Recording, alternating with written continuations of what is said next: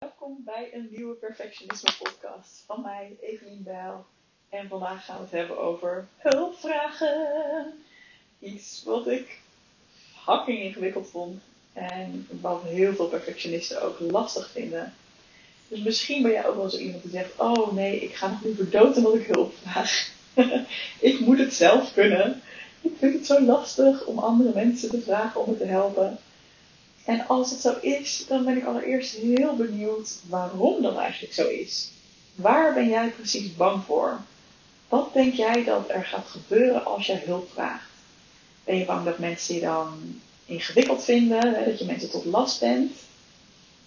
Ben je bang dat je dan niet zelfstandig genoeg of niet capabel genoeg overkomt? Oh, als ik één keer hulp vraag, nou dan kan ik blijkbaar mijn werk niet aan. Of ja, wat zit jou eigenlijk dwars? Het is super interessant om daar zo dieper in te duiken. En dit is ook echt een thema dat in Goed Genoeg, mijn online programma voor perfectionisten, heel vaak langskomt. Um, dus in uh, bijna elke coachcall, één keer in de maand hebben we een coachcall waar mensen hun vragen kunnen stellen. Bijna elke coachcall zit er wel een keer iets wat te maken heeft met hulp durven vragen aan anderen.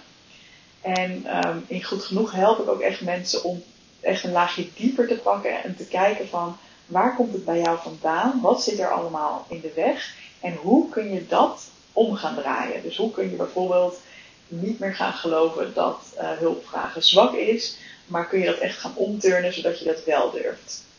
Nou, we kunnen natuurlijk in deze podcast niet precies dezelfde diepte pakken als ik in goed genoeg kan doen.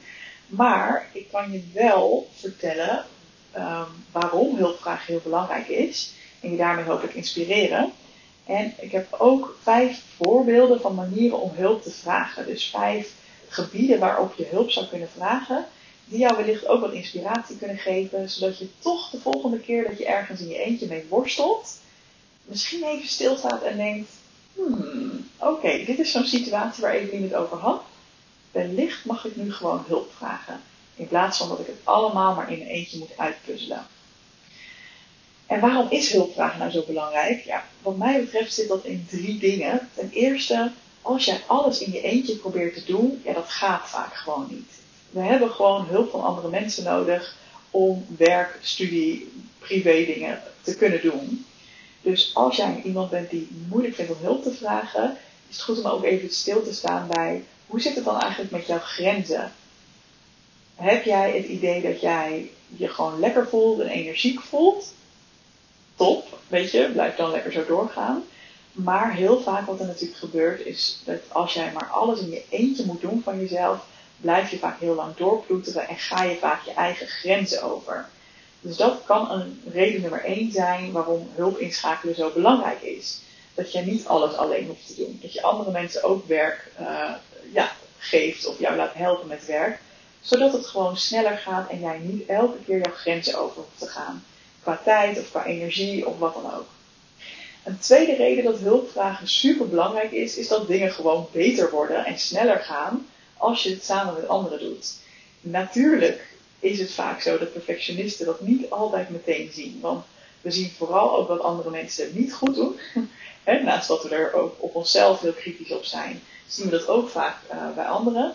Maar echt waar, op de lange termijn kun je gewoon niet alles zelf blijven doen. En zul je gewoon toch andere mensen nodig hebben. Zeker als je bijvoorbeeld aan het werk bent. Um, het is gewoon af en toe nodig om af te stemmen met mensen. En uiteindelijk is het ook vaak zo dat jouw werk door andere mensen ook weer gebruikt moet worden. Weet je wel, dat vaak maak je een stukje van iets of je bent met een project bezig waar anderen betrokken zijn. Dus dat kun je ook gewoon niet in je eentje doen, want uiteindelijk zijn er andere mensen die er een mening over gaan hebben. En ook dan is het heel fijn als je al eerder in het proces hulp hebt ingeschakeld. In plaats van dat je maar eindeloos in je eentje bent gaan ploeteren. En dan als je denkt van nou nu is het af. Om het dan pas te laten zien. Want weet je, dan ben je vrij later mee. En een derde reden dat hulpvragen zo belangrijk is, is ook hoe fijn vind jij het om een ander te helpen? Heel veel perfectionisten met name vinden het helemaal niet erg om voor een ander klaar te staan. Om een keer met iemand mee te denken, om uh, een beetje advies te geven, om daadwerkelijk mee, uh, ja, iets te doen voor een ander.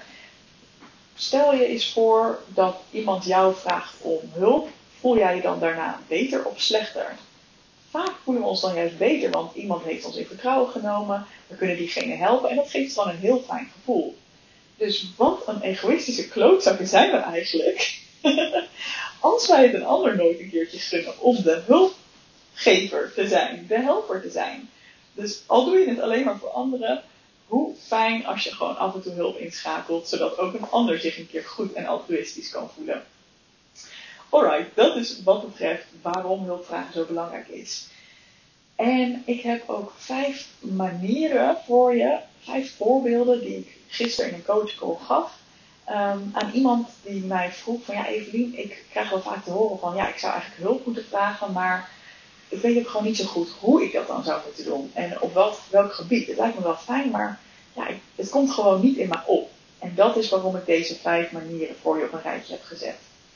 De eerste manier waarop je hulp, uh, hulp kan vragen aan een ander is steun.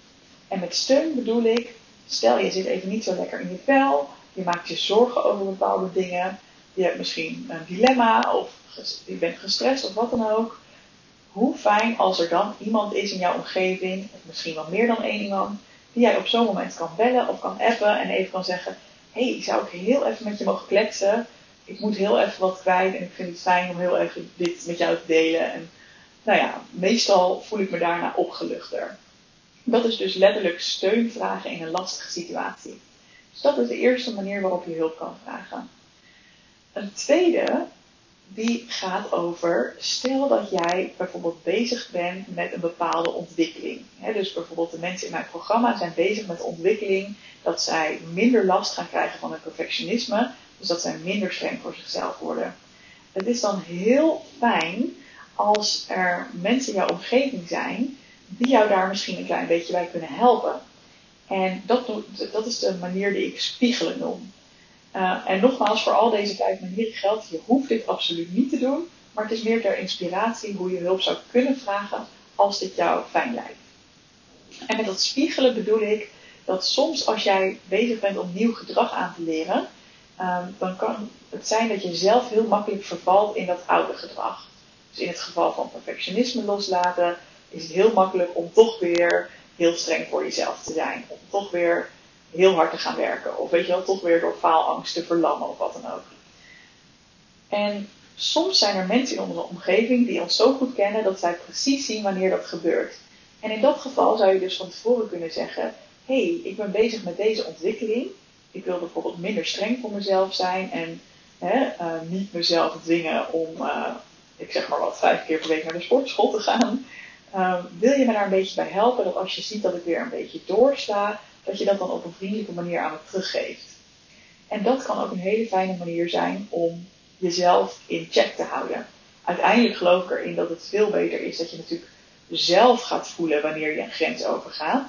Maar zeker wanneer je net begint met een gedragsverandering, kan dat spiegelen van mensen in je omgeving heel fijn zijn dit is niet voor iedereen, want ik zelf kan dit bijvoorbeeld ook heel irritant vinden, weet je wel. Soms wil ik juist zelf graag uh, in een verandering zitten en dan wil ik niet dat mensen in mijn omgeving steeds zeggen, oh, nou doe je het weer, weet je wel. Maar als jij een fijn iemand hebt die jij vertrouwt en waarvan je weet dat diegene het alleen maar met de beste intentie zal zeggen, um, dan kan dat heel fijn zijn van, hé hey, lieverd, let je een beetje op jezelf, want volgens mij werk je weer een beetje hard, kan dat kloppen? Um, en dan kan jij dus in beweging komen om weer jouw gewenste gedrag meer te gaan vertonen. Alright, dus nummer 1 was steun als je niet lekker voelt, of steun hè, als het slecht gaat. Tweede is spiegelen in een verandering. De derde manier om hulp te vragen is dat jij mensen om begrip vraagt. En dat kan ook bijvoorbeeld zijn, stel dat jij bezig bent met liever voor jezelf zijn en beter luisteren naar wat jij echt wil, dan kan het bijvoorbeeld betekenen in zo'n ontwikkeling dat jij wat vaker afspraken gaat afzeggen. Of dat je überhaupt minder vaak afspraken gaat maken, omdat je gewoon wat meer gaat kijken hoe jij je op een bepaald moment voelt. In plaats van dat je hele agenda vol timmert met sociale verplichtingen. En wat op zo'n moment heel mooi kan werken, is dat voordat jij dat al uh, doet, of hè, wanneer jij hiermee begint, dat jij al bijvoorbeeld met vrienden of wat dan ook um, ze vertelt over jouw ontwikkeling, ze meeneemt in waar jij naartoe wilt. En dat je dan ook van tevoren al vraagt om begrip voor die verandering. Dus, hé, hey, weet je, ik ben bezig om te leren bijvoorbeeld minder perfectionistisch te worden. Dat betekent dat ik wat meer naar mezelf probeer te luisteren en minder um, dingen in mijn agenda wil plannen. Dus ik hoop dat je het begrijpt als ik wat minder vaak ja zal zeggen als je voorstelt om af te spreken. Dat zegt niks over hoe leuk ik jou vind. Um, ik vind onze vriendschap nog steeds heel belangrijk, maar dan weet je even waar de verandering vandaan komt. Dat is natuurlijk ook een hele mooie manier om mensen mee te nemen in jouw ontwikkeling. En tegelijkertijd ook vragen van, hé, hey, jij kan mij helpen bij deze ontwikkeling door daar begripvol op te reageren. En tuurlijk, als ik een keer het niet op een fijne manier aanpak of het te laat aan afzeg voor jou, dan moet je het ook gewoon eerlijk aangeven. Daar gaat het niet om. Maar hoe fijn als ik op jouw begrip kan rekenen nu ik deze verandering doorga. Hmm, mooi toch? Dan hebben we nog um, daadwerkelijke ondersteuning bij bijvoorbeeld een taak die je moet doen in je werk. Um, dat je vraagt, oh, zou je met me mee kunnen denken? Of zou, je echt, zou jij dit gedeelte van me willen overnemen? Of bijvoorbeeld privé kan het ook zijn. Als je een feestje geeft, dat je dan niet in je eentje honderd ballonnen gaat staan opblazen, maar dat je daar hulp bij inschakelt van uh, iemand in je omgeving. Of dat je dat lekker uitbesteedt aan een uh, partij die je ervoor betaalt. of bij feestjes doen wij bijvoorbeeld heel vaak dat we vragen aan iedereen om wat eten mee te nemen, iets lekkers, zodat het niet voelt alsof wij de hele dag in de keuken moeten staan. Want ja, dat vinden wij gewoon helemaal niet leuk. En met wij bedoel ik mijn vriend en ik. Dus op die manier vragen wij hulp aan onze vrienden om er een heel gezellig feest van te maken. En het lukt meestal ook juist heel goed. Dus dit is meer waar, waar de meeste mensen aan denken als je aan hulpvragen denkt. Namelijk, daadwerkelijk, wil jij dit voor mij doen? En ja, dat is gewoon ook een hele mooie manier om jezelf te gunnen dat jij niet in je eentje hoeft te ploeteren. Om hè, niet in je eentje verantwoordelijk hoeft te zijn voor alles. Of dat nou voor dat feestje is of voor dat project op je werk. Jij bent niet in je eentje verantwoordelijk. En dan komen we bij de vijfde manier om hulp te vragen. En daar moet ik even kijken, want ik zie hier iets staan. Ik heb het even opgeschreven. Ik moet even kijken of ik het nog begrijp uitleggen, gedrag. Oh ja, ja. Dat is op het moment dat jij, um, en dat, dat geldt zeker als perfectionist, op het moment dat jij ziet dat iemand anders um, uh, reageert op jou en jij schrikt daar een beetje van. He, dus om een voorbeeld te geven, stel jij, het voorbeeld van eerder, van stel jij zegt bijvoorbeeld een afspraak af, of jij je geeft je grenzen aan of wat dan ook, en je ziet bij die ander een reactie Um, wat perfectionisten dan heel vaak doen, is dat ze in ons hoofd een verhaal gaan maken van: oh, nu vindt ze me niet meer aardig, nu vindt ze me geen goede vriendin meer. Um, dat is wat er vaak gebeurt. En hoe jij dan hulp kan vragen op zo'n moment, is door daadwerkelijk uit te spreken. En daarbij gebruik ik de zin die Brene Brown wel eens heeft uh, uh, verteld in een podcast. Oké, het verhaal wat ik nu in mijn hoofd maak is dat bijvoorbeeld, is dat jij mij nu geen goede vriendin meer vindt. Of is dat jij er heel erg van baalt dat ik deze afspraak afzeg. Klopt dat? Dus wat je eigenlijk doet is checken met die ander of het klopt wat voor rampscenario jij in je hoofd hebt, wat diegene van jou vindt. En dat is ook een hele mooie manier van hulp vragen, want eigenlijk bied je diegene, die ander dan de mogelijkheid om uh, um, uit te leggen of dat wel klopt. Want 9 van de 10 keer maken wij het veel erger in ons hoofd dan dat de ander het daadwerkelijk vindt. En hoe fijn dat je dan niet gewoon voor je houdt en misschien een beetje ja, vanuit die aanname dat de ander jou stom vindt, gaat handelen. Hè, of je nou dan heel extreem aardig gaat doen, of juist een beetje kribbig wordt. Hoe fijn als je in plaats van die aanname te doen, daadwerkelijk kunt checken bij de ander. hey, het verhaal wat er in mijn hoofd nu gebeurt, is dat jij dit van mij vindt. Klopt dat eigenlijk? Wat gebeurt er nu bij jou? Hoe zit het eigenlijk? Wat vind jij nu van? En dat is super fijn, want dan kan die ander ook daadwerkelijk zeggen: Nou, nee, ik, ik vind het inderdaad wel een beetje jammer. Ik had zin in onze afspraak, maar nee, maar het is wel gewoon goed dat je dat doet, want je moet wel op jezelf letten. En nou, hoppa, dan is het ook gewoon weer uit de lucht, weet je wel? Dus dat is ook een hele mooie manier om jezelf hulp te geven, door jezelf de kans te geven het echte verhaal te horen. In plaats van dat jij in jouw rampscenario gaat zitten. Over wat die ander van je vindt. En je geeft de ander ook de kans om eerlijk te vertellen wat er aan de hand is. In plaats van dat je het gewoon maar doodzwijgt. Dus dat vind ik zelf ook een hele mooie manier. Alright, ik heb een opdracht voor je. Kies één van deze vijf manieren uit en ga die de komende week een keer doen. Dus welke van de vijf spreek je aan? Misschien is er één waarvan je denkt, oh dat lijkt me heel fijn om te doen. Het kan ook zijn dat er één manier is waarvan je denkt, oeh dat vind ik nog wel spannend, maar dat voelt juist als een mooie uitdaging voor mij. Zoek één van deze manieren uit en ga die komende week toepassen. Dus nog één keer, je kan steun vragen, hè, van gewoon je verhaal kwijt kunnen als je even het zwaar hebt. Je kunt vragen of mensen je willen spiegelen op nieuw gedrag dat jij wil leren. Dus wanneer mensen dan zien dat, ze, dat je in het oude gedrag valt, kunnen ze dat aangeven. Overigens kun je ook vragen, en geef me ook complimenten als je het nieuwe gedrag ziet vertonen.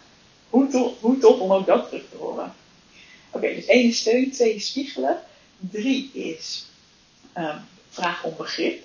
Begrip bijvoorbeeld omdat jij wat meer tijd voor jezelf wil, of nou ja, waar dan ook maar mee.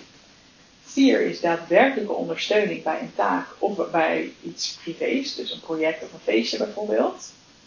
En vijf is de checkvraag.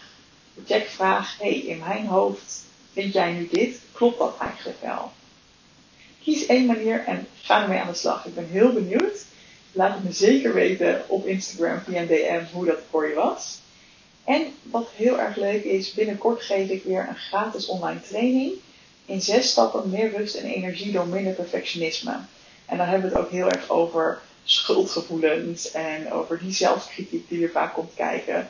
Uh, en ook vertel ik daarover hoe moeilijk ik het vond om hulp in te schakelen bij een psycholoog bijvoorbeeld. Toen ik uh, merkte dat ik over mijn eigen grenzen heen aan het gaan was. Dus vind je dat interessant klinken? Binnenkort is die training. Um, en je vindt alle details op doelgerichtecoaching.nl. Super leuk als je erbij bent. En heel graag tot de volgende podcast. Doei doei!